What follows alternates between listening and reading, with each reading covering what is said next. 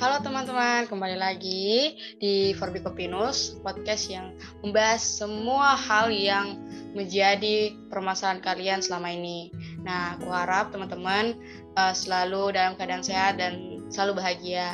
Nah, uh, kenalin aku Reski, host sementara di podcast ini, dan uh, podcast Forbicopinus bukan hanya berbicara tentang inklusivitas dan disabilitas, tapi lebih dari itu podcast ini banyak uh, uh, membahas tentang bagaimana kita berbagi pengalaman dengan orang lain dan uh, bagaimana kita menambah pengetahuan baru dan informasi baru.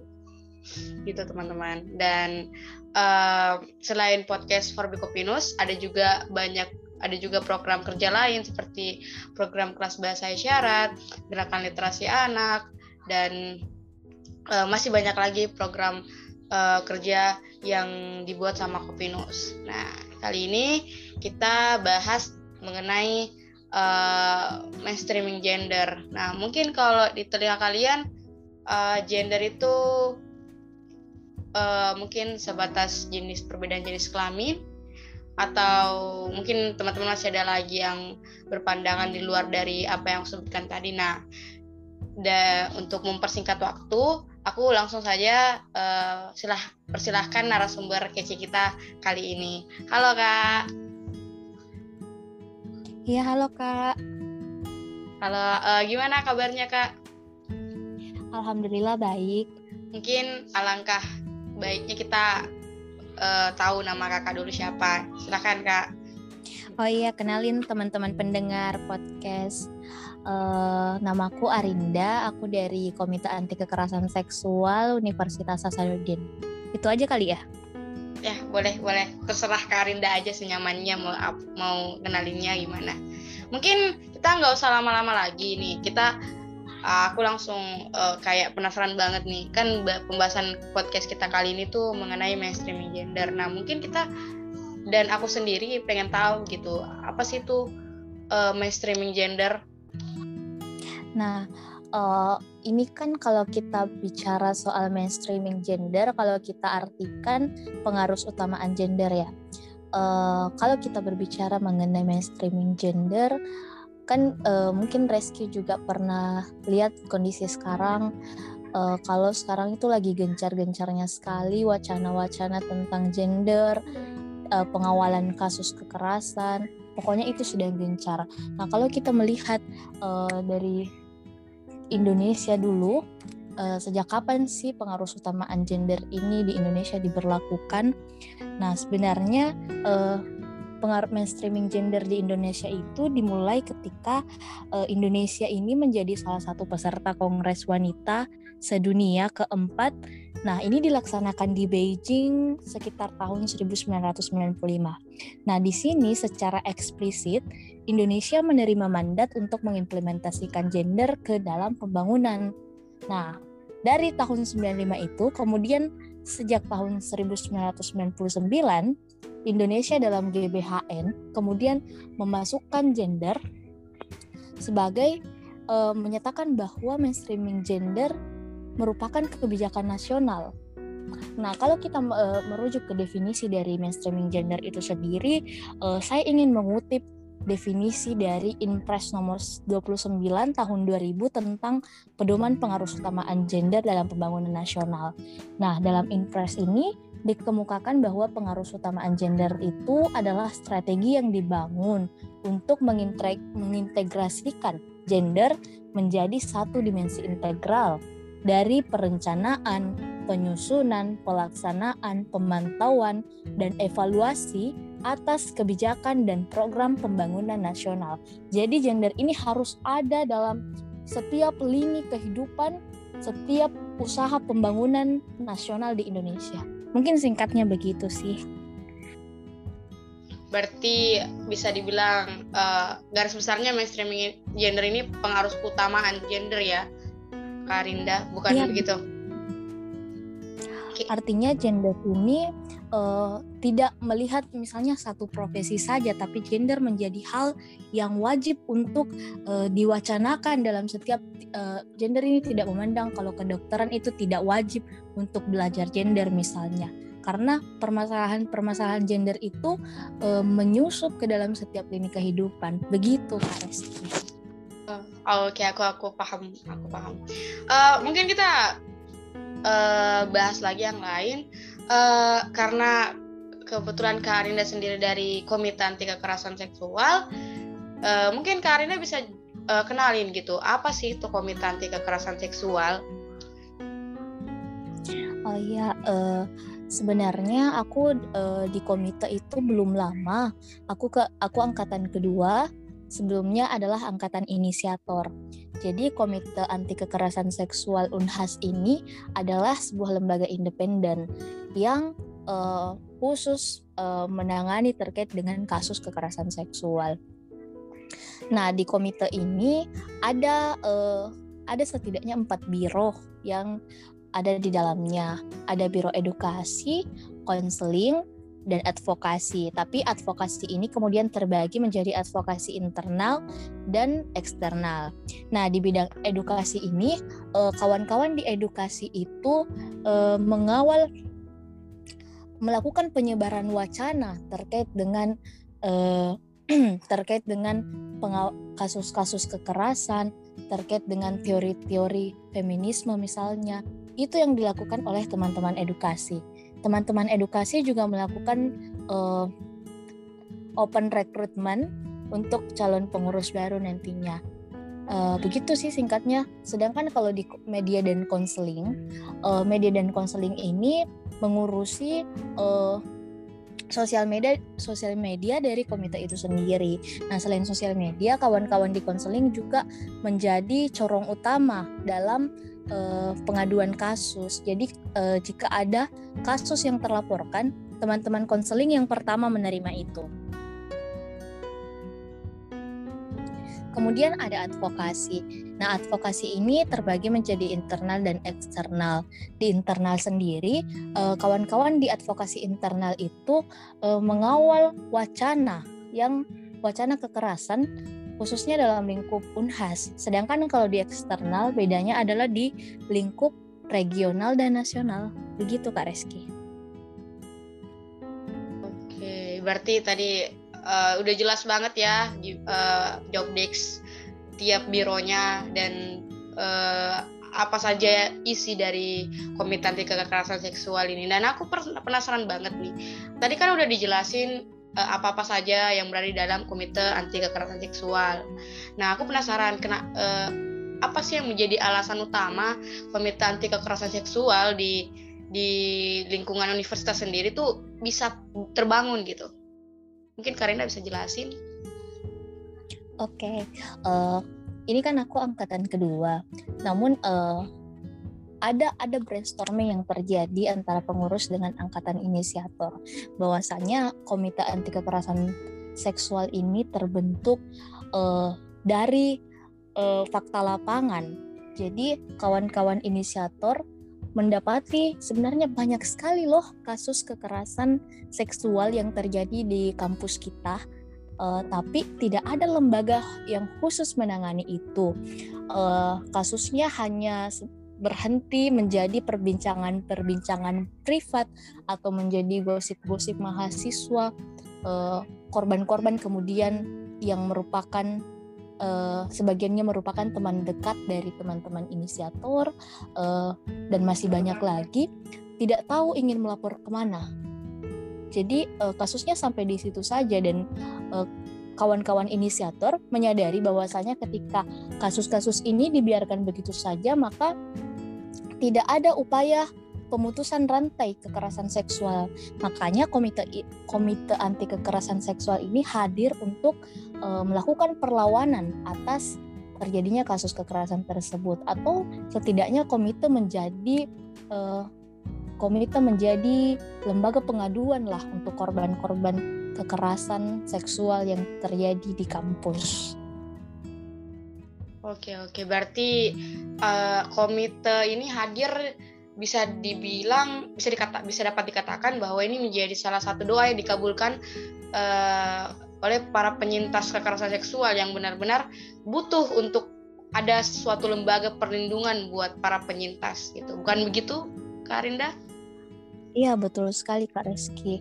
Uh, setidaknya kami sangat berharap bahwa korban tahu ingin melapor ke mana ketika uh, mereka uh, mendapati kasus kekerasan itu. Karena kan begini, jika kita berbicara kasus kekerasan seksual, ini kan adalah fenomena gunung es. Artinya apa yang terlaporkan itu sebenarnya uh, hanya representasi, masih banyak kasus-kasus yang tidak terlaporkan.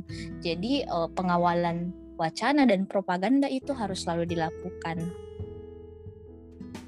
Oke, okay, thank you banget Karinda. Ini banyak banget. Ini udah baru beberapa pertanyaan aja udah banyak insight baru yang aku dapetin dan mungkin teman-teman pendengar uh, uh, sobat Forbes itu baru dengar juga dari uh, Karindanya sendiri.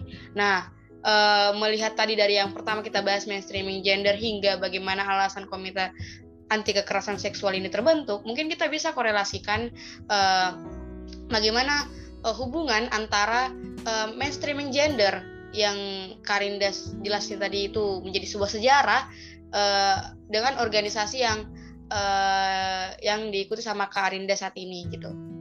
Oke, okay. uh, ketika kita membahas mengenai hubungan antara mainstreaming gender dan apa sebenarnya hubungannya dengan komite.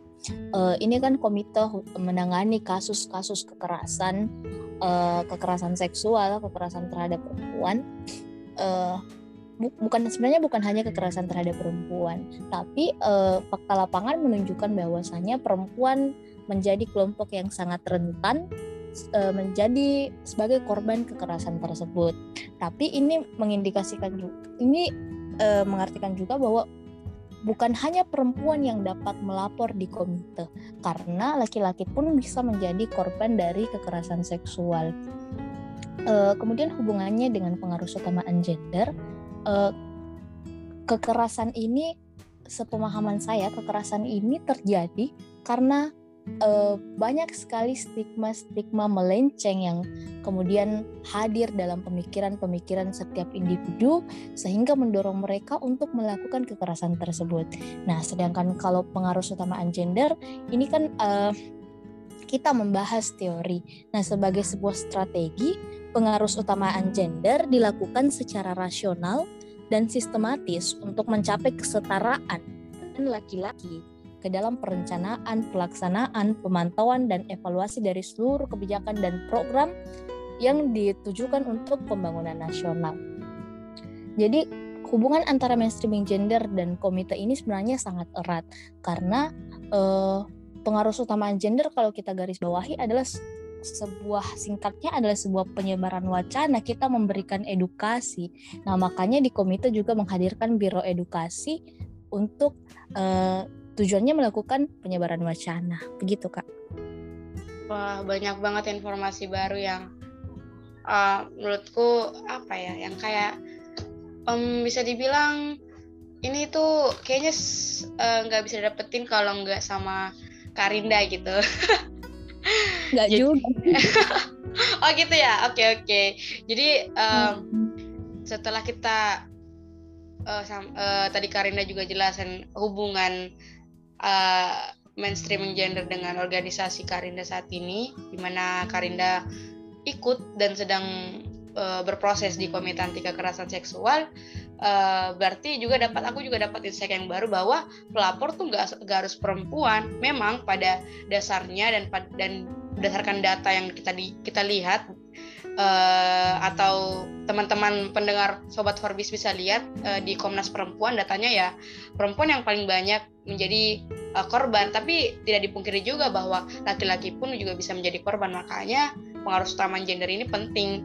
Uh, bagaimana uh, uh, hilangnya batas uh, antara perempuan dan laki-laki itu uh, bisa sama-sama uh, dilindungi dan diwadahi di bawah lembaga perlindungan bisa seperti komi seperti komite anti kekerasan seksual. Tuh.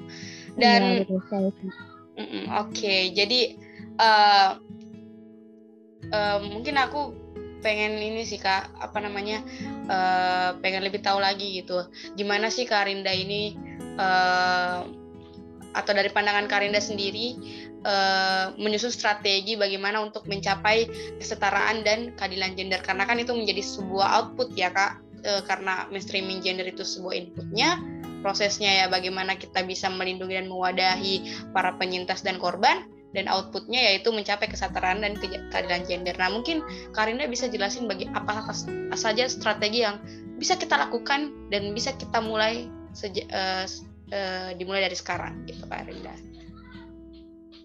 Wah strategi ya.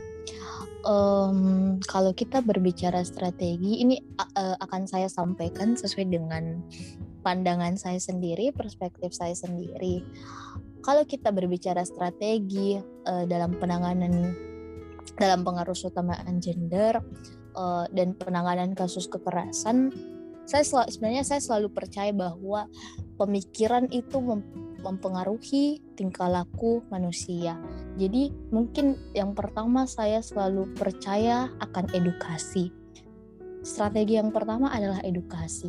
Edukasi ini harus selalu dilakukan dan tidak boleh berhenti untuk kita lakukan karena dengan adanya edukasi yang terus-menerus, edukasi kita lakukan metode apa saja sehingga eh, teori-teori ini, penjelasan-penjelasan ini, edukasi ini bisa dijangkau oleh setiap manusia, setiap orang-orang. Misalnya kalau uh, kalau sekarang kan lagi zaman-zamannya online dan Instagram juga sedang menjadi aplikasi kalau aplikasi tren ya yang digunakan oleh orang-orang. Nah, makanya kita uh, adakan edukasi di Instagram di Instagram itu supaya edukasinya mudah dijangkau dan bisa dijangkau secara santai. Misalnya teman teman-teman lagi rebahan sambil baca-baca itu boleh sekali. Kemudian setelah edukasi, setelah pemikiran-pemikiran ini terbentuk atau setidaknya diisilah yang kedua adalah saya menawarkan gerakan kolektif sebagai sebuah perlawanan. Karena in, ke, uh, individu saja misalnya yang melawan itu tidak akan cukup. Misalnya kan kita lihat sudah banyak sekali uh, organ-organ kolektif yang uh, mengawal wacana kekerasan terhadap ya kekerasan gender. Nah, ini sebenarnya adalah sebuah strategi karena uh, organ-organ kolektif ini, kolektif-kolektif ini melakukan penyebaran wacana secara terus-menerus. Nah, semakin banyak gerakan kolektif, maka semakin uh, meluas juga penyebaran wacana tersebut dan uh, kalau kita lihat uh, kolektif-kolektif ini sangat gencar, mudah-mudahan semuanya sangat gencar ketika ada kasus kekerasan gender misalnya. Jadi kasus tersebut tidak surut Nah, ini berkaitan dengan strategi yang saya tawarkan lagi selanjutnya, yaitu propaganda isu. Nah, ketika ada isu kekerasan misalnya, isu kekerasan itu tidak boleh hanya berhenti kalau kita kan lihat uh, faktanya ini kemarin kemarin dan hukum di Indonesia saat ini uh, belum terlalu berperspektif, berperspektif korban. Artinya banyak kasus-kasus pelecehan seksual, kekerasan seksual yang uh, dilaporkan tetapi uh, tidak berhasil ditangani di ranah hukum. Artinya korban ini berakhir dengan rasa trauma seumur hidup dan rasa kecewanya yang melihat pelaku misalnya di, uh, dibebaskan atau ya diberikan ruang-ruang bergerak. Nah itu kan akan jadi trauma sendi tersendiri bagi si korban. Nah setelah propaganda isu, saya uh, yang terakhir mungkin yang bisa saya tawarkan adalah pemetaan isu secara berkala. Kenapa berkala? Karena uh, dari gerakan-gerakan kolektif yang terbentuk dari penyebaran wacana yang dilakukan, isu kekerasan itu juga harus dicek and recheck. Oh, apakah misalnya strategi tahun lalu itu mempengaruhi uh, mempengaruhi uh, pemikiran masyarakat? Nah, ini kita lihat dari datanya. Setidaknya itu menjadi landasan uh, pergerakan dari gerakan kolektif itu.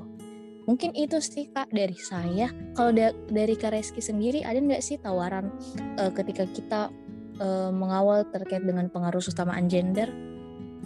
Um, kalau aku ditanya sih mungkin hampir sama dan mungkin sama semua yang dikatakan oleh Karinda tadi. Tapi uh, kalau aku sih emang betul-betul edukasi diri sendiri dulu baru bisa edukasi orang lain. Karena buat apa buat apa menjustifikasi suatu isu menjustifikasi sebuah satu orang tapi itu belum jelas uh, panduannya atau pedomannya mau pegang yang mana gitu jadi ya yang paling penting kalau menurut aku sih edukasi gitu edukasi um, diskusi terus eksekusi gitu Karinda iya. Oh uh, sebenarnya ada yang poin yang terluput. Uh, kita juga harus gencar uh, mengawal peng, uh, pengesahan payung hukum yang menangani soal kekerasan seksual itu sendiri. Karena kita kenal sendiri kalau negara kita kan adalah negara hukum. Jadi ya kita harus berjuang nih melawan uh, kita harus berjuang mengawal supaya uh, RUU PKS ini yang namanya sudah berubah menjadi RUU tindak pidana kekerasan seksual segera disahkan supaya korban punya payung hukum yang bisa digunakan ketika melaporkan kasus. Begitu, Kak. Oke, thank you banget Kak Arinda sudah mengingatkan kita semua untuk sama-sama mengawal dan sama-sama bergerak untuk bisa uh, mendorong nih uh, para wakil rakyat kita di di gedung di gedung di gedung di gedung mewah yang berada nun jauh di sana untuk bisa segera cepat-cepat untuk mensahkan aturan tersebut. Nah, terakhir nih Kak Arinda, apa yang menjadi harapan Kak Arinda sendiri tentang mainstreaming gender? uh, harapan ya kak kalau harapan sebenarnya harapan saya sudah ter terinterpretasi dari strategi-strategi yang saya tawarkan bahwasanya tentunya kita semua berharap bahwa kasus kekerasan ini berkurang berkurang seiring dengan bertambahnya waktu kasus kekerasan ini juga ikut berkurang. Dan kalau kita bicara dari lingkup kampus uh, dari pengamatan saya selama ini sebenarnya teman-teman mahasiswa juga masih banyak sekali loh yang seksis meskipun ini teman-teman banyak melalui kajian-kajian sesuai dengan uh, keprofesiannya misalnya tapi uh, pengaruh utamaan gender itu belum sampai di ranah uh, beberapa belum sampai di ranah lembaga mahasiswa. Makanya uh, sebagai mahasiswa uh, kita juga harus uh, berjuang nih supaya pengaruh utamaan gender ini juga bisa menyelinap ke himpunan-himpunan tidak memandang bahwa misalnya hanya himpunan sosial saja yang membahas terkait gender, tapi himpunan-himpunan uh, saintis saintek juga bisa loh membahas gender karena kan kekerasan tidak memandang keprofesian. Kekerasan ini bisa terjadi kapan pun, di mana pun dan oleh siapa pun. Jadi ya ini ini tujuannya pengaruh utamaan gender itu sih kak kalau okay. saya oke okay, thank you banget mbak thank you banget Karinda udah udah nyisihin waktu yang mungkin Karinda lagi sibuk-sibuknya hari ini. Dan ya mungkin sedikit kesimpulan yang bisa aku ambil bahwa uh, pengaruh utamaan gender itu juga itu pengaruh utamaan gender sendiri itu uh, salah satu langkah baru langkah yang menurut menurut aku sendiri da, yaitu menjadi suatu langkah bukan langkah baru sih langkah awal uh, bagaimana uh, di lingkungan kita yang serba demokrasi itu betul-betul tanpa batas dan tanpa memandang gender dan tanpa memandang latar belakang apa pun gitu. Jadi uh, dan juga tadi Karinda juga sempat meng-highlight sedikit bahwa ayo kita sama-sama uh, mengawal dan betul-betul mendorong um, pemerintah untuk bisa mensahkan uh, peraturan mengenai tindakan tindakan kekerasan seksual gitu. Makasih banget Kak Arinda untuk uh, untuk waktunya. Dan teman-teman sobat Verbis juga jangan pernah uh, skip apa pun episodenya yang ada di podcast ini. Jangan pernah skip. Kalian harus dengarkan dari awal sampai akhir. Dan kalian uh, ambil manfaatnya buang yang menurut kalian nggak berfaedah. Uh, aku Reski sebagai host podcast sementara kali, di podcast kali ini mohon pamit undur diri see you dan sampai jumpa